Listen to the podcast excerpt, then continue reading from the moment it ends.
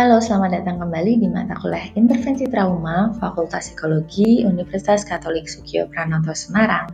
Bersama saya dosen Anda, Monika Windria Satyajati.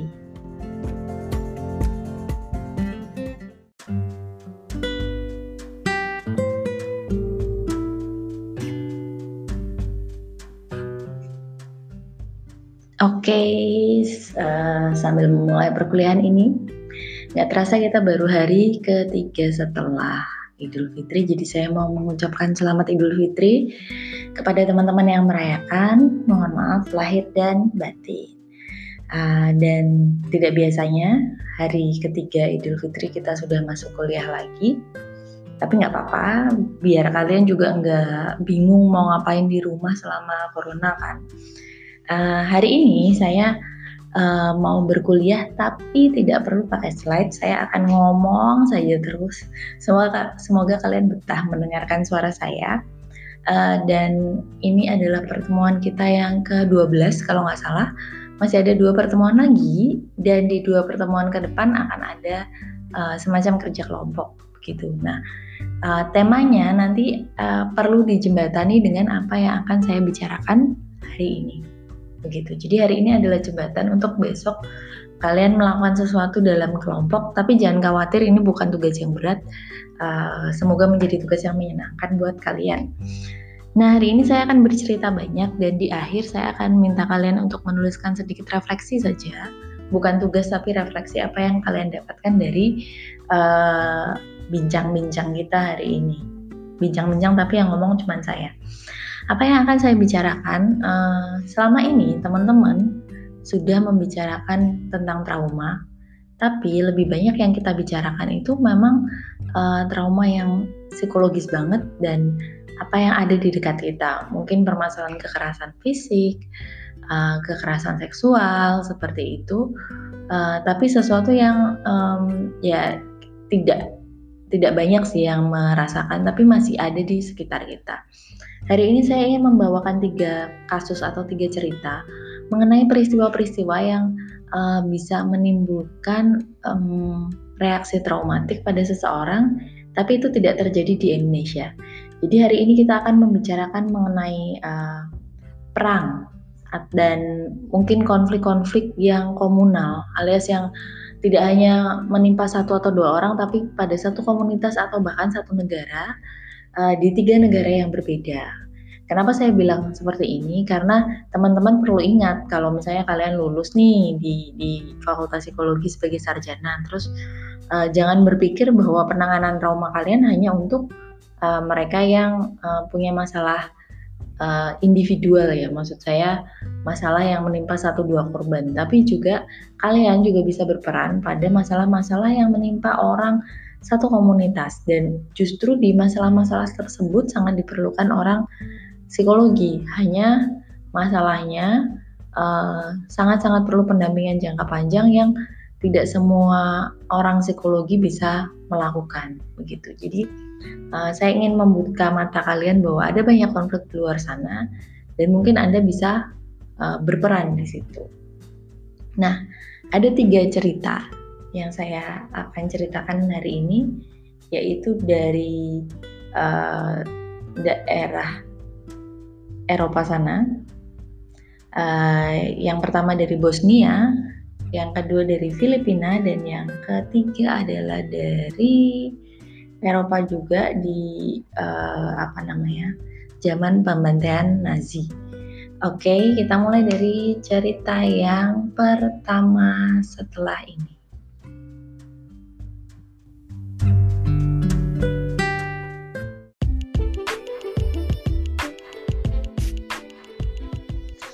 Oke, kita mulai dari negara pertama, yaitu Bosnia dan Herzegovina. Uh, apakah teman-teman tahu di mana negara Bosnia dan Herzegovina itu? Uh, ini kalau misalnya waktu mata kuliah biopsikologi atau statistika, kalau saya tanya suatu istilah, lalu teman-teman mahasiswa kebanyakan akan defense, maaf bu saya anak IPS. Nah sekarang saya tanya nih, di mana Bosnia dan Herzegovina? Gitu nanti jangan-jangan yang anak-anak IPA akan defense maaf bu saya anak IPA gitu ya Oke, okay, uh, Bosnia dan Herzegovina adalah suatu uh, negara yang berada di dekat negara negara-negara Eropa yang lain. Dia berbatasan langsung dengan uh, Italia di sebelah baratnya dia itu ada Italia, di atas atau di utaranya dia ada Austria dan uh, Hongaria. Dan dia juga uh, berbatasan dengan negara-negara Balkan yang lain. Nanti kita akan ceritakan. Dan juga di selatannya itu ada Yunani. Begitu tapi uh, kalau teman-teman paham uh, Bosnia dan Herzegovina ini sebenarnya adalah dulunya merupakan bagian dari negara lain. Gitu. Nah negara apa ini ya masih ingat nggak sih negara apa yang dulu menaungi Bosnia dan Herzegovina negara itu adalah negara yang bernama Yugoslavia Yugoslavia adalah negara yang uh, muncul sekitar 19 berapa ya? Uh, 50-an, 40-an kalau nggak salah sampai tahun 1990-an. Uh, dan sebenarnya sempat juga dekat dengan Indonesia setahu saya pada beberapa kerjasama internasional dan Yugoslavia sendiri ini kemudian uh, pecah di awal 90-an ke beberapa negara yang mungkin teman-teman sudah sering dengar Serbia, Kroasia. Nah, yang suka nonton bola pasti pasti akrab sama Kroasia ya. Uh, lalu ada Montenegro dan Makedonia dan negara-negara uh, lainnya. Jadi Yugoslavia ini tadinya negara uh, yang maju dan kuat di daerah Balkan sana, tapi kemudian dia juga pecah. Uh, nah, salah satunya juga menjadi Bosnia ini dan Hari ini yang saya akan bahas di Bosnia adalah satu kota yang sangat indah menurut uh, review-review para traveler. Saya juga belum pernah ke sana. Kota itu bernama Mostar. Mostar adalah salah satu kota di Bosnia dan Herzegovina yang dialiri dengan sungai namanya Sungai Neretva dan punya uh, jembatan namanya Stari Most Bridge. Nah, jembatan Stari Most ini membelah Mostar menjadi dua yaitu wilayah barat dan wilayah timur. Nah, uh, kenapa saya membicarakan tentang jembatan? Karena jembatan ini menjadi simbol terpisahnya satu kota menjadi dua bagian dan ternyata kita akan merunut dari sejarahnya hal ini akan berdampak juga pada uh, dinamika seseorang eh sorry bukan cuma seseorang tapi dinamika suatu kota sendiri nah uh, sebelum uh, Bosnia ini menjadi wilayahnya Yugoslavia, jauh sebelumnya dia adalah uh, daerah yang dikuasai oleh Romawi. Karena kan tadi saya bilang dia dekat sama Italia ya. Jadi uh, sangat mudah sekali lah untuk kerajaan Romawi menjangkau dia. Uh, tapi kemudian ketika Romawi kekuasaannya sudah tidak sekuat dulu lagi, muncullah kerajaan Ottoman. Tahu ya Ottoman Empire atau kekuasaan Ottoman itu eh, kira-kira dari daerah mana? Uh, ini saya kayak nanya di Dora itu loh. Uh, apa kalian jawab sendiri kayak bocah kecil yang sedang menonton Dora. Ya, Ottoman itu uh, pusatnya, pusat kerajaannya ada di Turki dan tentunya teman-teman bisa memahami bahwa kerajaan Ottoman itu uh, lebih banyak didominasi, eh bukan hanya didominasi sih, memang suatu kerajaan Muslim, Muslim Sunni uh, yang dulu sangat-sangat kuat pada zamannya. Nah, uh, kerajaan Ottoman ini kemudian ketika menguasai uh, kota Mostar tadi, dia juga, uh, juga menguasainya dengan baik. Maksudnya uh, apa namanya? Banyak banyak pembangunan yang dia lakukan, terutama di daerah timur mungkin karena lebih dekat kali ya ke timur uh, ke si Turkinya gitu. Dan juga dibangunlah masjid-masjid juga di sana. Dan uh, ketika suatu kerajaan itu menguasai maka uh, kepercayaan orang-orang di sana pun mungkin akan berubah gitu. Uh, kita tidak bisa memungkiri bahwa ada yang memang convert convert uh, ke kepercayaan karena memang dia terpanggil tapi ada juga karena entah karena formalitas atau karena dia apa namanya ingin mendapatkan suatu kedudukan tertentu atau dipandang tertentu seperti itu lalu banyak yang uh, convert menjadi uh, Islam Hanya kemudian ganti setelah uh, kerajaan Ottoman kekuasaannya tidak sekuat dulu, uh, yang menguasai adalah kerajaan Austro-Hungaria. Ya, jadi kan tadi saya bilang di sebelah utaranya si uh, Bosnia ini ada negara Austria dan Hungaria yang banyak uh, memeluk agama Katolik. Maka di situlah juga ada orang-orang Katolik gitu. Jadi uh, sama seperti ketika Ottoman menguasai, uh, kemudian uh, orang-orang Katolik pun uh, mulai menguasai daerah Bosnia dan kepercayaan orang-orang pun banyak yang mulai terkonvert gitu ya. Jadi uh, menjadi mempunyai agama atau memeluk agama Katolik gitu. Nah, kemudian tidak lama kemudian muncullah masa uh, apa namanya penindasan Nazi. Teman-teman pasti tahu ya Nazi di Jerman. Gitu uh, Nazi uh, banyak menguasai daerah-daerah di sekitar Eropa pada masanya dan ada agama yang berbeda lagi tentunya orang-orang Nazi atau orang-orang Jerman kebanyakan memeluk agama uh, Kristen Protestan yang ini berbeda lagi. Dan pada masanya Mostar itu dijadikan salah satu kota satelit di uh, Bosnia oleh Nazi.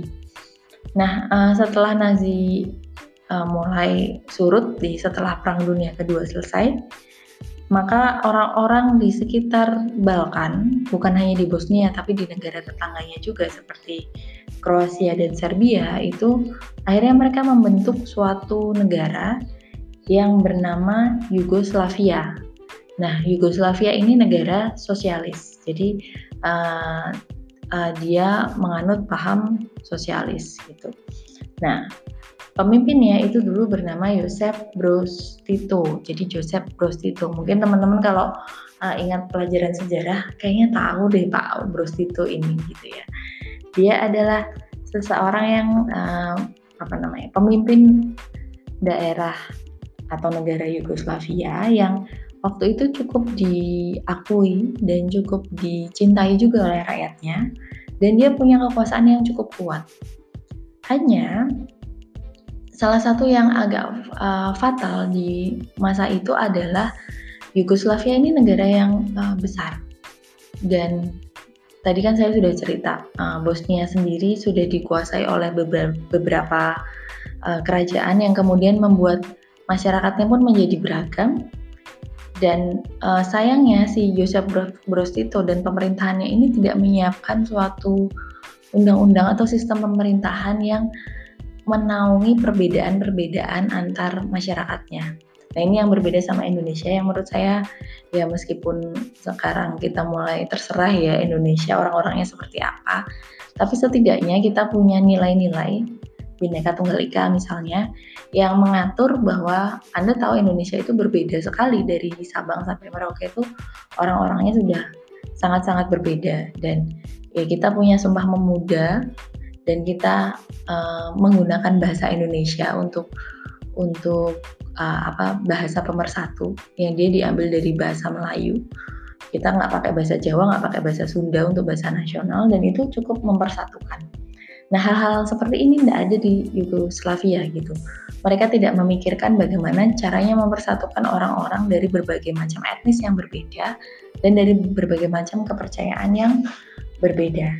Nah, itulah yang kemudian muncul yang namanya um, apa namanya perpecahan dari Yugoslavia setelah uh, Yosef Broz itu meninggal. Jadi tadinya pemersatu mereka cuma satu orang ini gitu, pemimpin yang memang mereka cintai. Tapi ketika pemimpinnya meninggal, tidak ada yang bisa meneruskan atau tidak ada yang punya karisma sekuat itu, dan tidak ada aturan yang mengatur sebaik itu untuk uh, apa mempersatukan berbagai etnis. Akhirnya mulai pecahlah dari Serbia, Kroasia, dan kemudian Bosnia pun pecah. Nah, maka dari itu, sekitar tahun 1992 sampai 1995 muncullah konflik di Bosnia dan Herzegovina. Sepertinya kalian belum lahir ya, uh, atau mungkin orang tua kalian baru ketemu di tahun itu. Uh, tapi di situlah muncul uh, konflik yang paling tidak masih diingat oleh orang-orangnya sampai sekarang. Nah, uh, pada saat itu komposisi orang-orang di Mostar itu memang berbagai macam etnis dan berbagai macam uh, kepercayaan. Kalau tidak salah, ini saya cari di data yang di buku. Oh ya, saya ambil ini dari satu buku. Uh, jadi ada seri mengenai studi konflik di berbagai dunia. Namanya Rethinking Peace and Conflict Studies. Jadi ada seri buku-buku tentang ini, Rethinking Peace and Conflict Studies. Dan saya mengambil satu seri yaitu Movement as Conflict Transformation uh, Rescripting Mostar, Bosnia Herzegovina, karangan Susan Forde. Nah, buku ini menceritakan mengenai banyak hal terkait Bosnia dan bagaimana dia uh, berusaha pulih dari perang. Jadi tadi cerita sejarah pun saya ambil dari buku ini. Begitu. Termasuk ini data statistik bahwa Mostar itu terdiri dari 20% etnis Kroat atau orang-orang yang beretnis sama sama penduduk di negara Kroasia dan etnis Kroat ini uh, menganut kepercayaan Katolik. Uh, lalu ada 34% et, eh, etnis Muslim Bosnia gitu dan ada 19% etnis Serbia yang kebanyakan menganut uh, Protestan dan ada 15% lainnya yang uh, mungkin sisa-sisa Yugoslavia dengan berbagai macam uh, kepercayaan begitu. Nah, uh, karena berbeda-beda orangnya, maka uh, berbeda-beda pula uh, kepribadian dan karakter mereka masing-masing. Nah, sudah berbeda-beda muncul perang di sekitar mereka. Nah, di Bosnia sendiri mulai muncul perang. Uh, salah satunya di kota Mostar itu tadinya adalah ketika ada orang uh, Katolik Kroat yang menyerang orang Muslim Bosnia begitu. Jadi uh, para prajurit uh, Katolik Kroat ini menyerang uh, beberapa orang di suatu perkampungan di Muslim Bosnia dan bukan hanya menyerang ada apa namanya serangan fisik saja, tapi juga ada uh, perkosaan yang dilakukan. Lalu kemudian tidak berapa lama itu itu diikuti penyerangan Muslim Bosnia ke orang-orang di Kristen Serbia gitu. Uh, jadi ada satu pernikahan di uh, etnis Kristen Serbia yang kemudian diserang oleh etnis Muslim Bosnia. Jadi complicated gitu. Ada setidaknya ada tiga yang mayor. Jadi dari Muslim, Protestan dan Katolik yang kemudian saling uh, apa namanya berperang dengan sendirinya yang itu kemudian membuat uh, perpecahan ini bukan hanya antar dua pihak saja, tapi dari tiga pihak yang berbeda-beda dan akhirnya muncullah perang yang berkepanjangan, penghancuran yang cukup banyak, dan juga yang namanya uh, pemerkosaan. Jadi itu adalah suatu hal yang sangat-sangat traumatik. Begitu. Nah, setelah perang yang terjadi adalah tentunya ada banyak orang yang mengungsi. Jadi se seingat saya ada belasan ribu atau puluhan ribu yang mengungsi baik dari sisi timur maupun sisi barat um, apa namanya sungai Neretva tadi. Jadi orang-orang akhirnya punya daerah masing-masing dan kemudian mereka banyak yang kehilangan tempat tinggal karena uh, diserang, dibakar. Nah, dari dua daerah tersebut akhirnya banyak juga yang uh, harus mengungsi begitu. Jadi uh, ini konflik yang cukup berkepanjangan dan berakhir di tahun 1995. Nah, itu tadi tentang sejarah perangnya Bosnia, tapi uh, tentunya kita tidak punya banyak apa ya hal yang bisa kita lakukan terhadap perang uh, sebagai orang psikologi karena memang itu adalah kebanyakan kapabilitasnya orang dengan background militer atau dengan background ilmu politik dan ilmu pemerintahan. Orang psikologi bisa berperan, tapi nanti dulu. Kita akan ada banyak uh, peran ketika kita, setelah trauma ini terjadi, setelah perang berkepanjangan ini terjadi. Bayangkan ketika orang saling berperang itu apa sih yang dirasakan pada warga-warga yang mungkin tidak bersalah dan tadinya mereka punya suatu kota yang cantik uh, dia punya suatu apa namanya rumah yang baik lalu kemudian rumahnya dihancurkan, lalu mungkin ada keluarganya atau dia sendiri yang mengalami pemerkosaan. Nah, pasti itu suatu hal yang sangat-sangat mengerikan untuk uh, beberapa orang. Nah, setelah ini kita akan bahas apa yang terjadi setelah perang ini selesai.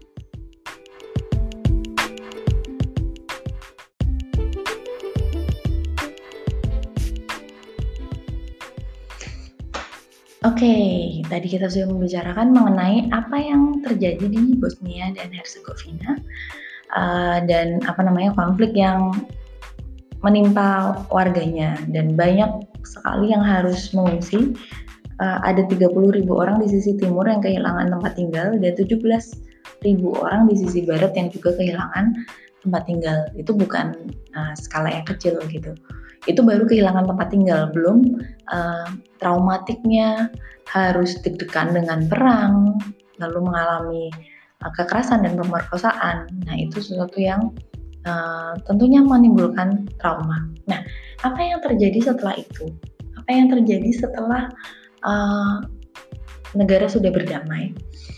Uh, yang cukup menarik adalah ada satu bangunan namanya Old Glass Bank. Jadi dia tadinya adalah suatu bank yang berfungsi, tapi kemudian setelah masa perang dia tidak digunakan dan bahkan uh, maksudnya waktu masa perang dia kan ya bank tidak bisa berfungsi lalu setelah perang selesai dia terabaikan gitu ya nggak tahu yang punya siapa atau kalaupun punya karena mungkin nggak punya duit jadi nggak bisa ngurus gitu ya nah bangunan itu justru di, dijadikan ajang untuk para seniman untuk uh, membuat gambar. Jadi mulai muncul graffiti-graffiti di uh, Old Glass Bank ini karena mungkin dia uh, besar dan dia letaknya strategis dan dia tidak dipakai gitu. Nah, uh, salah satu yang menarik adalah seorang seniman itu membuat suatu gambar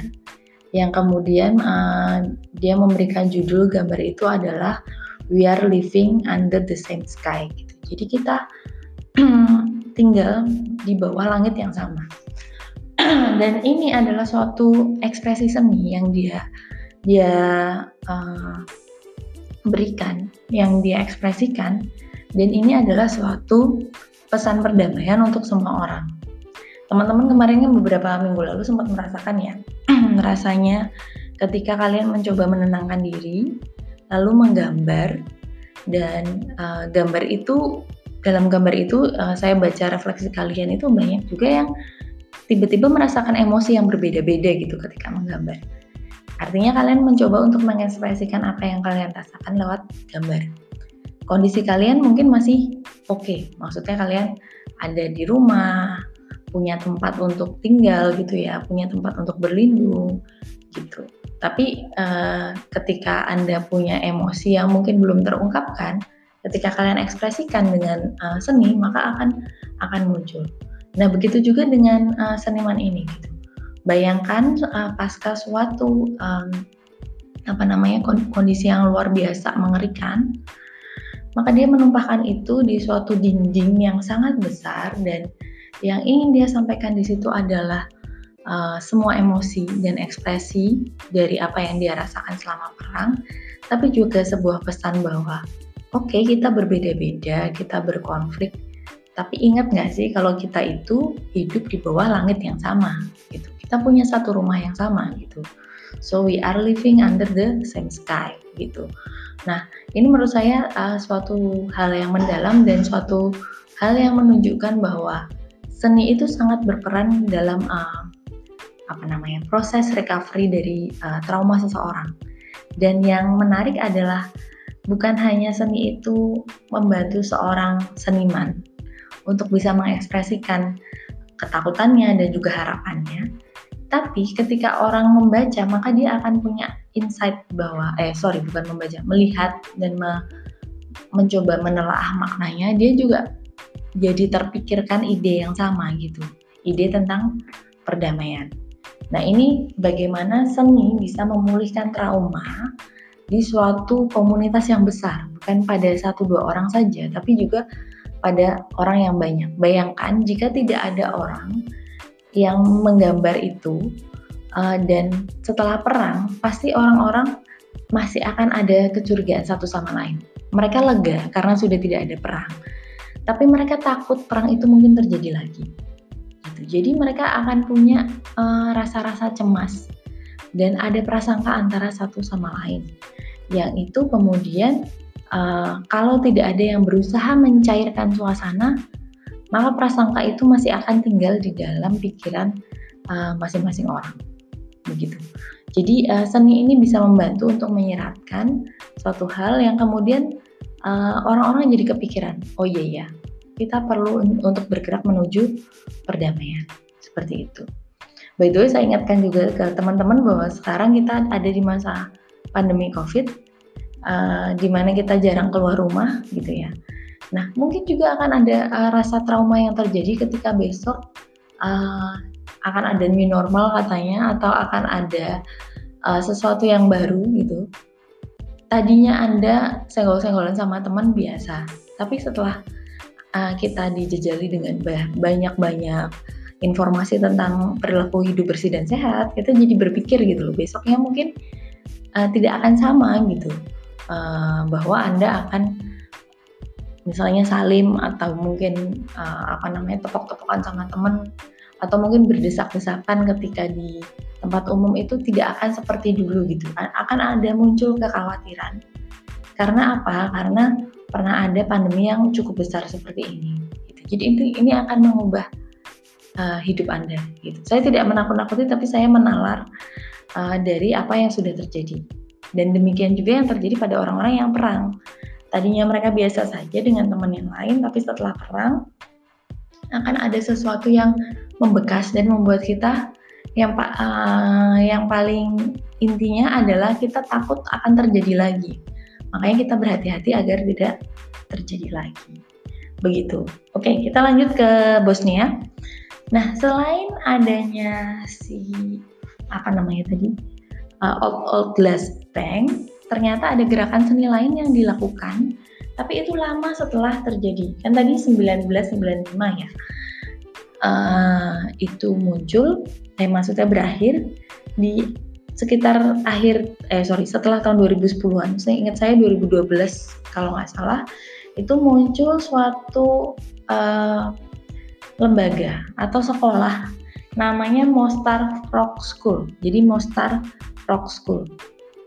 Uh, Anda bisa bayangkan Mostar Rock School art artinya adalah sekolah yang mengajarkan musik rock. Dan sekolah ini uh, sebenarnya itu diinisiasi oleh sekolah lain yang namanya Pavarotti Music Center. Apakah Anda tahu siapa Pavarotti? Uh, Luciano Pavarotti adalah salah satu penyanyi uh, seriosa gitu ya serius uh, penyanyi tenor ya sangat terkenal pada masanya uh, tapi Pavarotti sudah meninggal mungkin waktu anda kecil. Dan Pavarotti bersama beberapa musisi lain uh, seperti Brian Eno uh, dia produser dan ya musisi yang cukup terkenal di Inggris. Juga band yang namanya U2 uh, band dari Irlandia yang pada masanya sangat terkenal itu mereka membuat dulu yang namanya Pavarotti Music School yang menggunakan musik untuk memberikan pesan perdamaian di mana-mana. nah, Pavarotti Music School ini sudah ada di uh, Inggris sebelumnya. Uh, dan juga untuk di daerah-daerah konflik di Irlandia. Anda juga tahu uh, Irlandia Utara dan Inggris itu berkonflik bahkan mungkin sampai sekarang. Nah, di situ muncul juga gerakan-gerakan perdamaian. Nah, si Pavarotti Music School ini membuka cabang di Bosnia dan membuka yang namanya Mostar Rock School di tahun sekitar 2012-an itu. Uh, pada masa itu anak-anak itu uh, yang dulunya waktu kecil dia mengalami peperangan ini sudah mulai uh, dewasa, sudah mulai beranjak remaja. Gitu. Atau yang waktu jadi mereka yang lahir lima tahun pertamanya itu tahun 92 itu sudah mulai dewasa di tahun 2012 eh, itu gitu jadi uh, mereka sudah menjadi anak besar gitu dan kemudian mereka yang uh, lahir setelah 95 mungkin tidak mengalami perang tapi mengalami yang namanya ketegangan dan tidak pernah mengalami yang namanya uh, Bosnia atau Yugoslavia yang masih damai. Nah, uh, inilah target dari Mostar Rock School itu, anak-anak dan remaja yang mungkin nggak inget uh, masa kecilnya itu tidak ingat bahwa Mostar itu pernah damai. Dan mereka hanya tahu bahwa mereka tinggal di salah satu sisi dari sungai itu. Dan orang-orang uh, itu kayak mereka tidak akan mau pergi ke sisi satunya. Uh, kalau misalnya waktu itu Anda datang ke ke Mostar pada tahun 2000-an misalnya, lalu uh, Anda naik taksi, maka orang yang yang driver taksinya itu akan bilang gitu. Misalnya Anda turun uh, Anda berasal dari daerah timur, maka dibilang, "Maaf, saya tidak akan mengantarkan Anda sampai menyeberang ke daerah barat." Atau mungkin ada yang bilang, "Oke, okay, aku akan menyeberangkan gitu untuk supir taksi yang yang suka tantangan uh, tapi tolong bayar aku dengan uh, uang yang cukup banyak karena tidak akan ada banyak yang mau. Jadi satu kota yang sama dipisahkan oleh satu sungai dan punya satu jembatan untuk menghubungkan. Tapi orang-orangnya tidak mau untuk saling datang satu sama lain karena mereka masih merasakan trauma yang uh, komunal setelah perang. Maka dilakukanlah uh, suatu pendekatan dengan membuat Mostar Rock School ini uh, dan uh, tujuannya adalah membuat musik itu mentransen, me, mentransformasikan atau mentransendensikan komunitas mengalami perdamaian. Bagaimana caranya? Uh, Mostar School ini juga membawa pendekatan uh, clinical music therapy, jadi terapi musik yang klinis untuk anak-anak uh, dan uh, anak muda, kaum muda. Dan Mustarok School ini membawa orang, mengundang orang uh, dan memberikan pendidikan musik tuh bukan hanya ke satu pihak tapi ke beberapa pihak lain. Jadi bukan hanya dari pihak barat tapi juga pihak timur. Dan kemudian mereka membentuk band di situ. Nah, untuk mencairkan suasana dalam uh, apa proses memberikan pendidikan musik ke anak-anak, itu mereka juga melakukan exchange. Jadi uh, mereka juga membawa uh, teman-teman musisi tidak hanya dari dalam Bosnia tapi dari luar Bosnia dan mungkin berpengalaman dalam hal penanganan konflik. Apa yang terjadi setelah itu? Uh, ternyata dari anak Bosnia sendiri, dia uh, kemudian mengungkapkan bahwa seumur hidup aku tidak pernah berteman dengan orang dari sisi lain. Jadi katakanlah dia orang dari sisi barat, dia akan bilang seumur hidup aku nggak pernah temenan sama uh, anak dari sisi uh, timur Mostar gitu ya dari dulu aku bertemannya sama sisi barat aja gitu aku nggak pernah berteman sama uh, teman-teman dari sisi timur tapi kemudian dia berteman dari orang dari sisi uh, barat dan timur. Dan musik itu cukup mencairkan suasana karena apa? Karena kalau misalnya dua anak barat dan timur ini disuruh ngobrol langsung uh, mungkin akan membingungkan untuk mereka. Dan mereka tidak tahu harus berkata apa. Tapi ketika ada musik sebagai media perantara, maka uh, mereka punya satu kesatuan. Dan mereka diajarkan dari nol. Mereka sama-sama tidak bisa, jadi mereka belajar bersama dan di situlah muncul uh, saling pengertian. Apalagi dengan difasilitasi, difasilitasi adanya exchange orang dari luar. Kenapa? uh, ini cukup membantu, orang dari luar itu akan membantu dengan cerita-ceritanya bagaimana daerahnya bisa damai, bagaimana dia bisa mengenal banyak orang, sehingga anak-anak yang tadinya berpikir bahwa aku nih besar di Mostar bagian barat dan daerahku yang terbaik, agamaku yang terbaik, orang-orang di tempatku yang baik, yang lainnya jahat. Nah ini ini orang-orang yang trauma punya uh, distorsi kognitif yang seperti ini, menggeneralisasikan bahwa orang-orang di luar sana itu jahat, padahal tidak semuanya jahat dan bahkan lebih banyak yang baik. Nah ketika dia awal ketemu uh, orang dari sisi timur yang berbeda dengan dia, pasti dia punya prasangka bahwa orang ini jahat, begitu. Nah, mungkin ibuku selalu bilang, itu kan narasi-narasi dari ibunya, eyangnya uh, mengenai orang dari sisi lain itu eh, sangat-sangat uh, uh, membuat mindset pikirannya uh, sempit. Jadi dia ngerasa orang lain itu buruk gitu.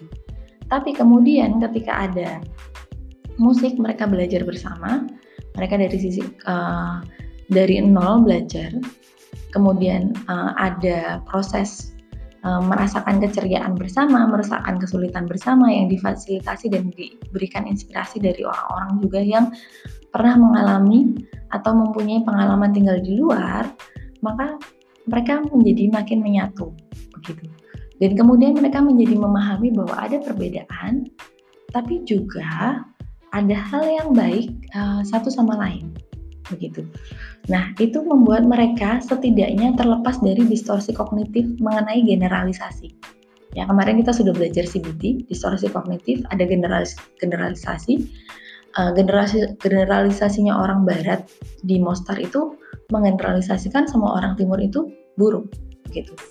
Dan mungkin juga ada jumping to conclusion gitu. Kalau kalau misalnya mereka cuma ngobrol, mungkin uh, satu dua kata yang berbeda itu bisa membuat mereka jumping to conclusion ke pikiran yang aneh-aneh. Tapi karena mereka bersatu lewat musik dan difasilitasi, maka pikiran-pikiran itu tidak lagi muncul dan justru akan mencair. Nah, ini memang pendekatannya tidak mudah, tidak kayak satu dua kali terus semua trauma selesai. Tapi ini adalah pendekatan yang komunal yang butuh waktu mungkin sampai bertahun-tahun untuk dapat uh, kemudian mengubah suatu mindset dari orang-orang di satu kota itu. Tapi meskipun butuh waktu yang lama, ini adalah suatu hal yang sangat uh, worth trying gitu loh, sangat sangat sangat perlu dicoba dan sangat-sangat berdampak.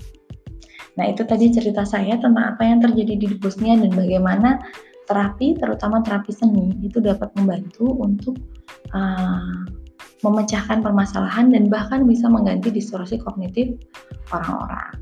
Oke, okay, berikutnya akan saya sambung di uh, apa namanya di uh, uh, anchor yang lain, maksudnya di rekaman yang lain. Jadi silahkan klik di URL yang berikutnya. Kita akan mendengarkan cerita menarik lainnya dari negara lainnya yang juga uh, menarik yaitu dari Filipina.